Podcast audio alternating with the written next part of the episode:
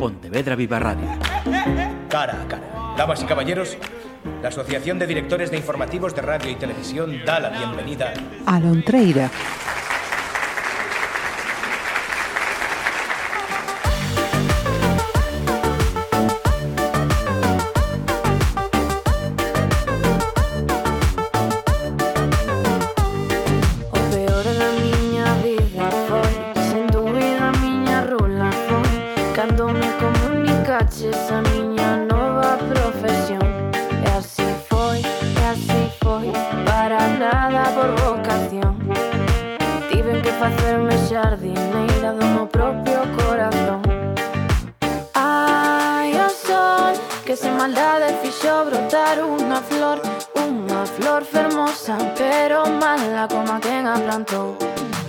Eu só quería bailar ten cumbias sen final Poder o co que non deixaba de espiñar E agora só dou pasos lentos ao ritmo dos ventos de dor infernal Eu só quería bailar ten sen final Pero ferían as parellas que ian a xorar E agora todos berramos foliado do toxo de amor irreal Hemos invitado a este cara a cara a tres jóvenes. Anotad el nombre, Lontreira. Y voy a presentarlos. Adriana Cores. Hola, Bienvenida. bos días. Adriana Cores es de, de Ailla. Sí, sí. Héctor Rodríguez, eh, Moañés. Hola, sí, sí, Moañés. Iván Barral, de Meis. Hola, así é, de Mosteiro.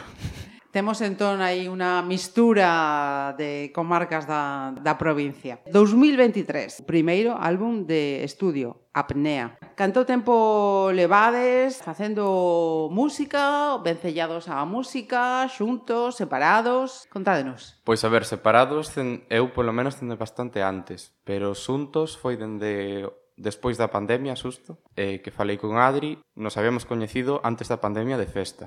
Mira, eh... eu pensaba que, que era estudando, ben, ben, ben. Segue, segue. sí, sí, estudando en Churruca. eh... estudando. Pois sí, coñecímonos aí de festa en Churruca e iso, despois da pandemia comezamos a facer música, era un pouco doutro estilo, ata que fixemos, eh, bueno, hasta temos algunha canción publicada que é un pouco máis dese estilo. Ajá. Pero foi a partir de Corazón de Toso que gañamos o concurso este da canción do verano da TVG. em, que dixemos, vale, temos que facer máis Vai. música deste uh -huh. estilo en galego e aí comezamos a facer apnea en seis meses o acabamos prácticamente. Sí. Caramba. Mais ou menos sí. Tamén creo que igual é un poquinho necesario poñer en contexto a quen inda non sepa o que iso da canción do verán ou, ou tal. A canción do verán é un concurso que saca anualmente a Galega e, e bueno, o seu non, o sea, propio nome o di, é unha canción que soa durante todo o verán.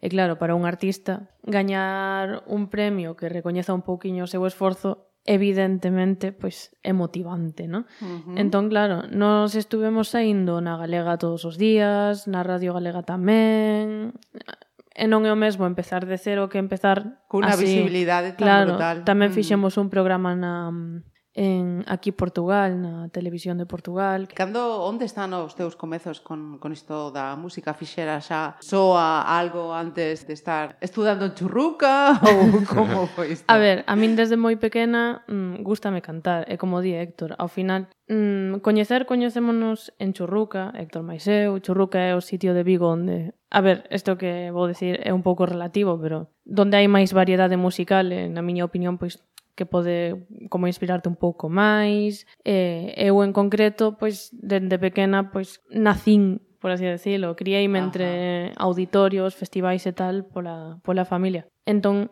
eu creo que todo ten moito que ver, sempre me gustou cantar, sempre lles facía bromas por, por churruca de que, ai, si eu quero cantar neste grupo, non sei que tal. E un día Héctor, pois, preguntoume, mmm, díxome, ti cantabas, non? E eu dixenlle, bueno, a ver, eh, eu intento, Evidentemente, cunha cervexa igual é moito máis fácil afirmar que sí, pero, pero sí, eu intento. E dixo, ah, pois, a ver, mm, eu estaba interesado en facer X, que era o tipo de música que vos comentaba el. Eu, bueno, ao principio a verdade é que convencer non me, que me convencese moito, pero evidentemente un grupo sempre ten que, que encontrar o seu estilo. De feito, ti podes escoitar calquer disco inicial dun grupo e ves que non soa moi parecido ao último, quitando a voz do cantante, case sempre. E bueno, fomos probando, probando, e gustáronnos moito algunhas, outras quedaron no olvido, e despois pasou o de verán. En verán gañamos a susodicha canción do Brán, uh -huh. e motivounos para facer un disco. Incluímos no grupo tamén a Iván, eh, que despois xa vos contará máis el. E, eh, eh, bueno, a pasos lentos pero moi rápidos, porque sabemos perfectamente que en seis meses non calquera fai un disco entero, e eh, naceu apnea. Iván, e ti? Eu son o guitarrista do grupo, como tal, e eu entrei máis tarde. Eles fixeron unha canción do verán propiamente, foi o que os motivou a facer o disco, e para eso, pois, decidiron tamén eh, gravar pistas de guitarra, nas que eh, eu participei. Uh -huh. Eu e máis eh, outro outro rapaz que se chama Jairo. Uh -huh. Tamén Jairo mención, da Ponte. Mención especial para el que tamén grabou eh, guitarras no disco. Uh -huh xa participando con eles, pois decidiron incluirme na formación do grupo para, para tocalo en directo, mm. como tal. E bueno, aquí estou, aportando as ideas que podo, non son tan creativo como eles dous, Pero... Entendo, entón, Lontreira son tres, son catro, de, somos depende tres. das somos necesidades. Tres, somos, somos tres, tres. empezamos a ver, dos, pero ahora somos tres. En realidade, Lontreira somos moitos máis. Ajá. A ver, Como sí. tal, eh, Lontreira cara ao público somos tres, pero despois Ajá. estaban o técnico de luces, que si claro. o productor, que si non sei quen... Que estilos ou que estilo desprende a apnea? Moitos, moitos estilos. A ver, principalmente creo que é algo bastante bailable, ten ritmos así latinos, así que fan bastante bailable. Sí que con un tono como bailable pero tampoco alegre. bailable final... pero tampouco alegre. Bailable pero triste, non sei como explica. Igual Adri o explica mellor que eu. Eh... Bueno, a ver. é que o xénero, normalmente cando alguén pregunta sobre o xénero de algún disco, de alguna canción, é moi relativo. De feito, onte estiven traballando nunha destas cancións en concreto, que, que por certo, pretendemos, se se pode incluir no directo 17, que supoño que xa mencionaremos máis adiante. Sí. E, e claro, eu pareime a pensar. Eu moitas veces non sei definir un xénero. Refírome a, por exemplo, cando facemos unha cumbia eu sei o que é a salsa, sei o que é a cumbia e tal, porque ao final a miña nai é venezolana, aparte, bueno, estas sei cousas. o que é a cumbia. Sí. Eh, pero moitas veces así de primeiras non as recoñezo, e dime, Héctor, é unha non sei que, bueno, eu penso, o sea, nas cancións nas que máis aporto eu, despois hai outras que evidentemente fai máis Héctor, en canto a melodías e tal, penso que non teñen un, un xénero en concreto, eu ao final fago unha melodía que me pareza pegadiza, que me pareza que a letra conte unha historia, non sei que, pero mm, moitas veces preténdese conseguir unha cousa e, e chegas a outra. Por exemplo, en arrepíos que iban, non sei que ia, que ia ser, que ao final a estructura non é a mesma que tiñamos pensado. Entón, non saberían que... Corazón de todos o mesmo. Corazón que... de Toxo, por exemplo. Corazón de Toxo non ia ser unha cumbia ao principio de todo, ia, ia ser como bastante máis electrónica, e ao final baixelle o tempo, metinlle o guiro da cumbia e tal, e acabou molando como cumbia. O xénero, eu diría... Claro, se te fijas a música. base, é bastante electrónica tamén. Claro. Cada un ten unha, entre, entre aspas, eh, responsabilidade no grupo, quero decir.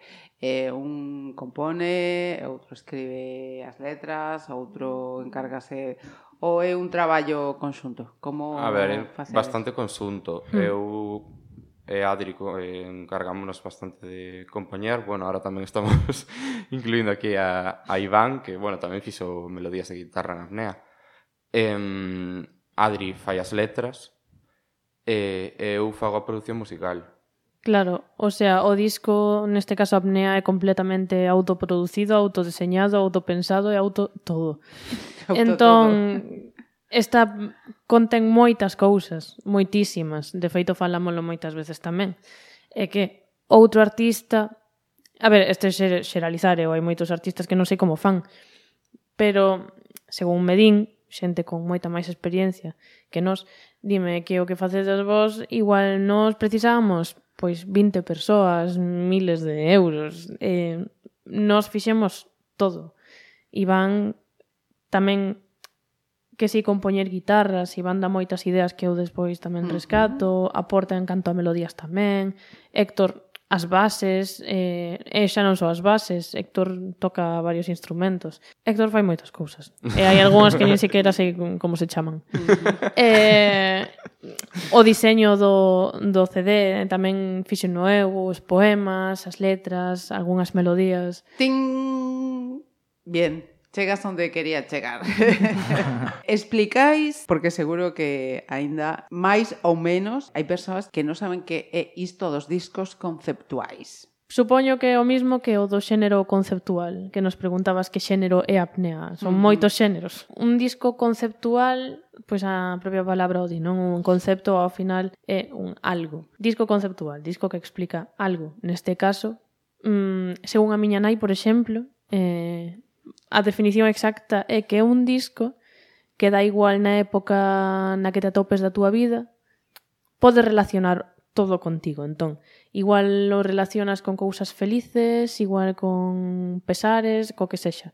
Pero, por exemplo, eu o que intentaba conseguir era contar unha historia sobre unha persoa que pode ser calquera non é algo que me pasase a min, sino que lle pudo haber pasado a todo o mundo en algún momento da súa vida. De feito, nós somos moi novos, pero hai xente pois con moitos máis anos a que lle pasaron fijo, que ao final comeza con un, unha presentación en forma de poema, sigue con unha canción, despois interludios que explican as cancións que veñen, que tamén son poemas evidentemente, poem, o sea, cancións que intercalan un inicio poema, canción, hai moita cousa.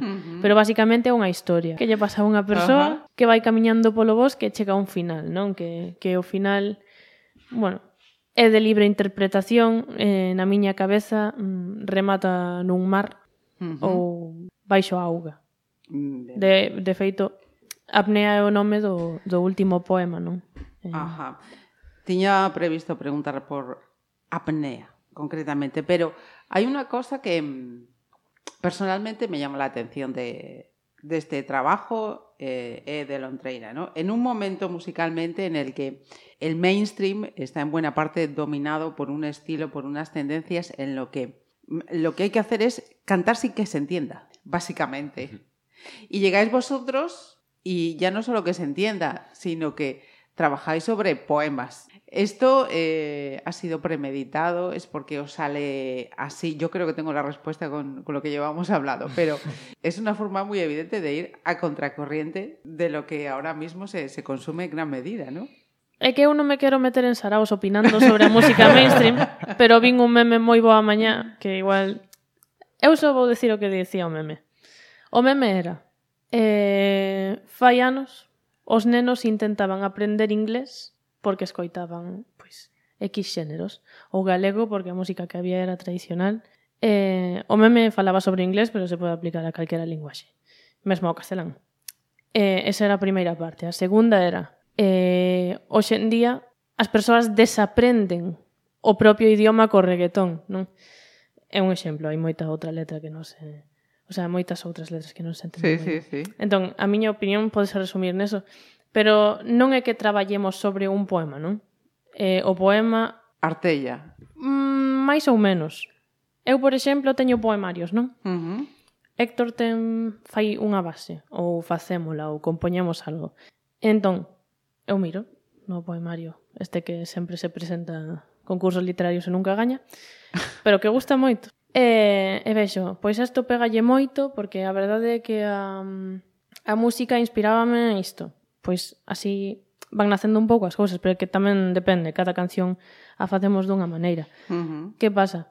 Sí que é verdade que despois intentamos facer unha canción que non se entenda, como as de hoxe é imposible que, que che conte Héctor. O das letras con intentar facer unha letra de hoxe en sí, día.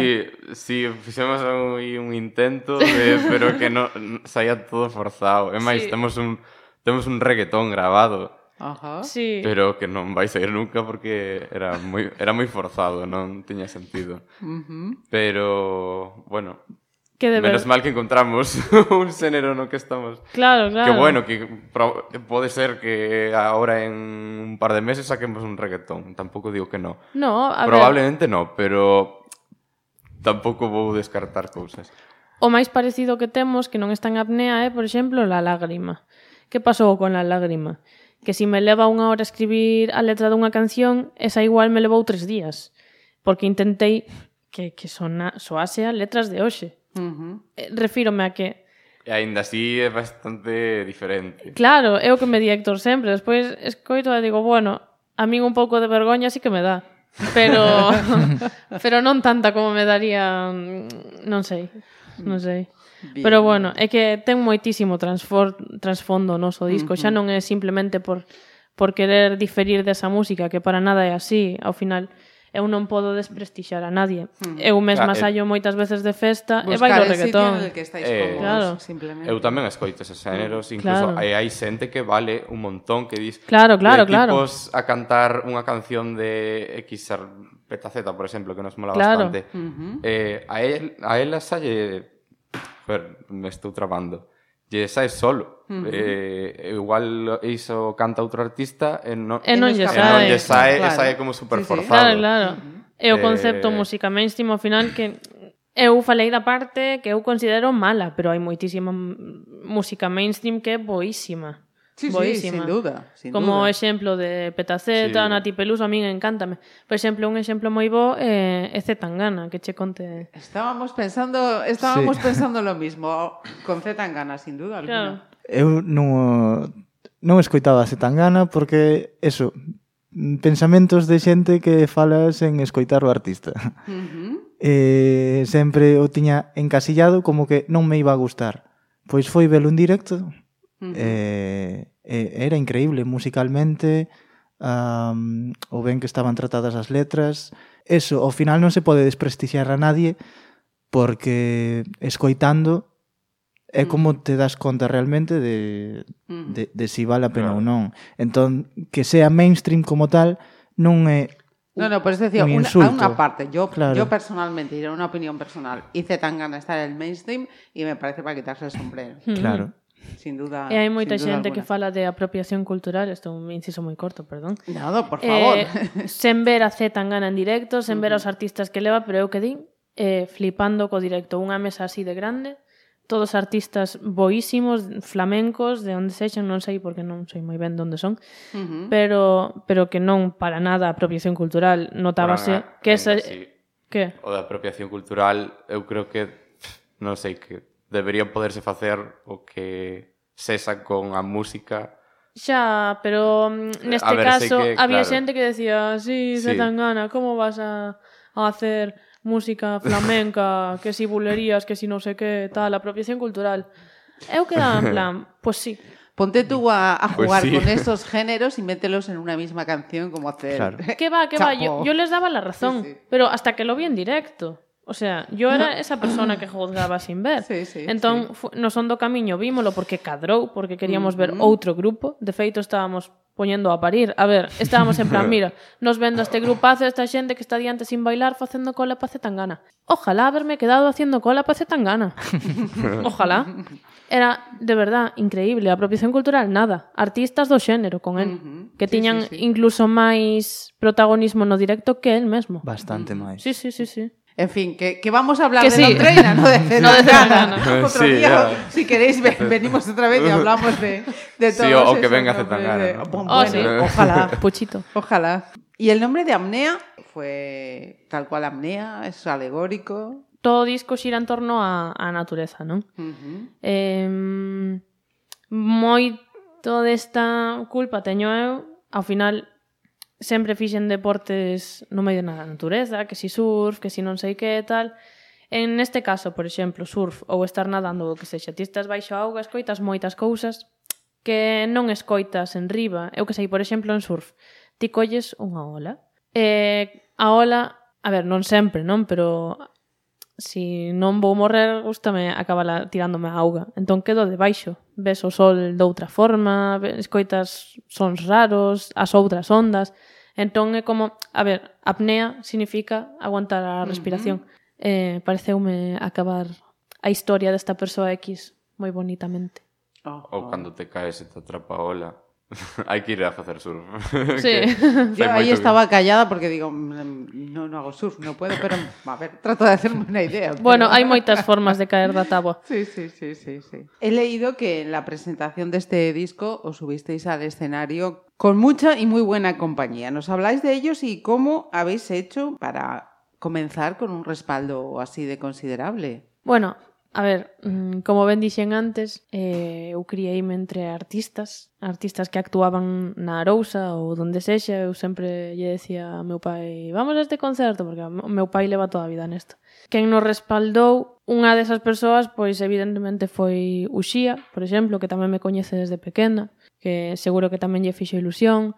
Despois Carlos Branco tamén, que é da Arousa. Uh -huh. eh, Carlos tamén me coñece de, dende hai un montón de anos e ademais é un artistazo e, e bueno, en concreto Carlos e Uxía eh, foron dos primeiros nos que pensamos porque xa o vin máis dunha vez ler en directo, a Uxía tamén, Uxía tiña un show moi chulo sobre a Rosalía de Castro, que era Rosalía pequeniña, se non, se non lembro mal.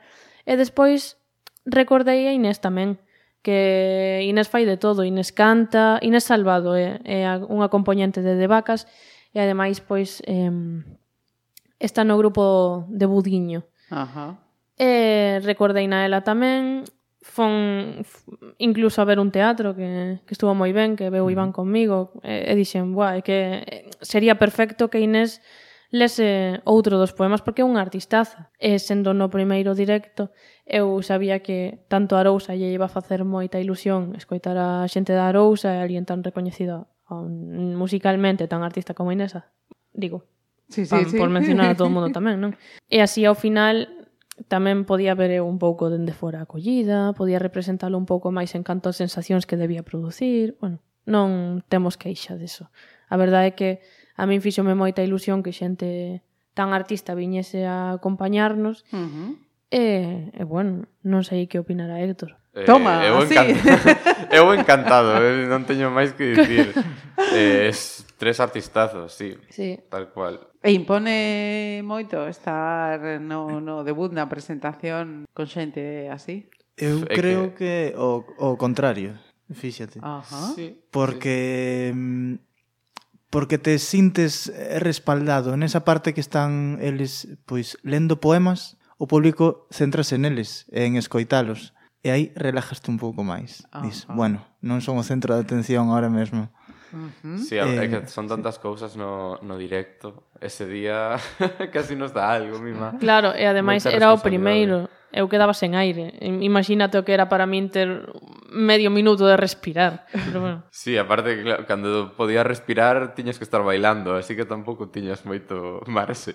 Ao final, eso, era, sentimos, sentímonos respaldados por figuras artísticas tan importantes. Uh -huh. Eh, xa non só no panorama local, sino no panorama galego. Galego, sí, sí, sí, sí, sen dúbida, sen dúbida.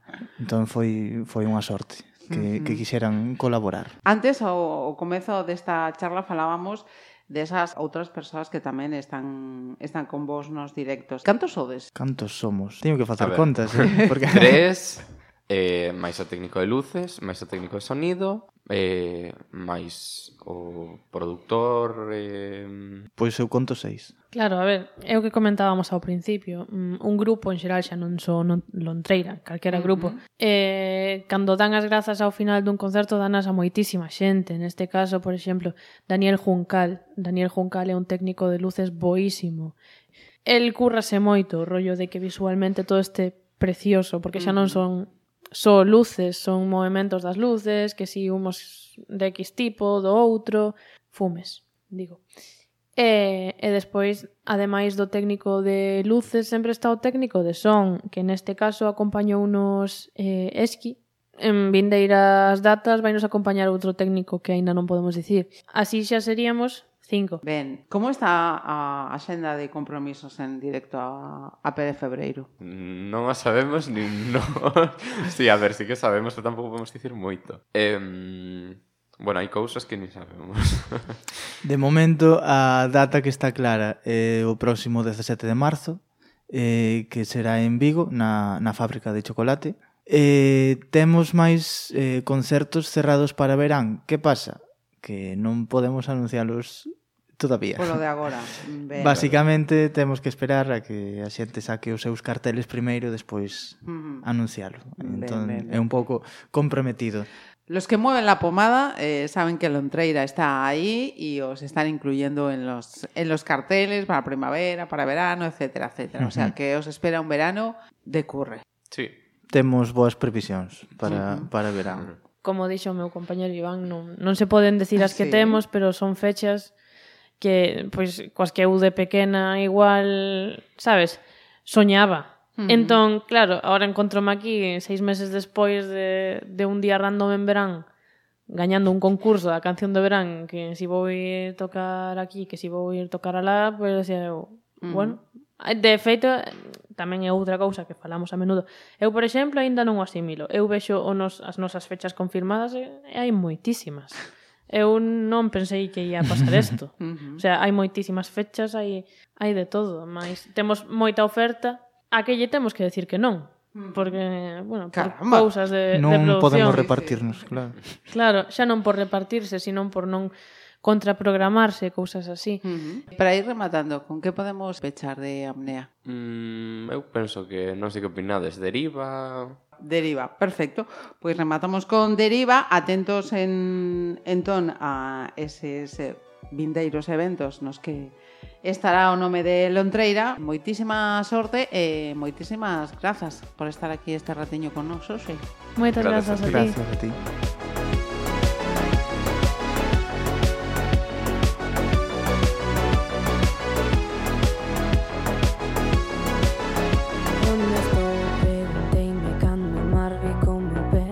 saber que todo o tempo estivera chorando ali Sons de cunchas de paxaros que Can a miña pel Son de vaguas que por ti nos oito soños derramei Xa non sei se quero ver algún deles arder Pois perdín o suizo limpo do que en vida está ben As palabras que non falan verso limpos en mentir promesas que me deches sen querer vinas fuxir. E apareceu a figura sen medo que creo que meu ser se podía quedar. Escapé, na brisa dun soño escapé Sen saber que todo o rato estaba ali A deriva dunha vida que olvidei Cos seus demos as súas cousas a dormir.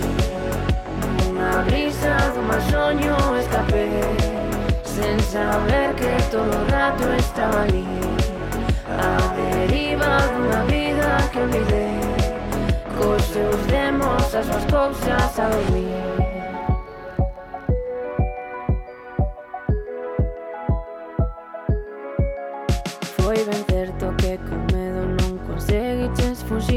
atraparon te as plantiñas fillas do meu mal sentir E caíches no meu fondo cheo de sobrepensar. As cousas que me dixeches que nunca ian a pasar. E bastiver o que vivir nunha confusión do ser Cando os corvos falan soais sur e non podes volver. Vou facerche promesas incumplidas e ti non poderás vir cumprilas a este mundo. que creo que non só se podía quedar. Escapei, na brisa do mar soño escapé, Sen saber que todo o rato estaba ali A deriva dunha vida que olvidei Cos seus demos as súas cousas a dormir. Na brisa do mar soño escapé, Sen saber que todo o rato estaba ali A deriva dunha vida que me dé. Cos seus lemos as as cousas a dormir Nunha brisa dun soño escapé. Sen saber que todo o rato estaba ali A deriva dunha vida que olvidei Cos seus lemos as as cousas a dormir Nunha brisa dun soño escapé.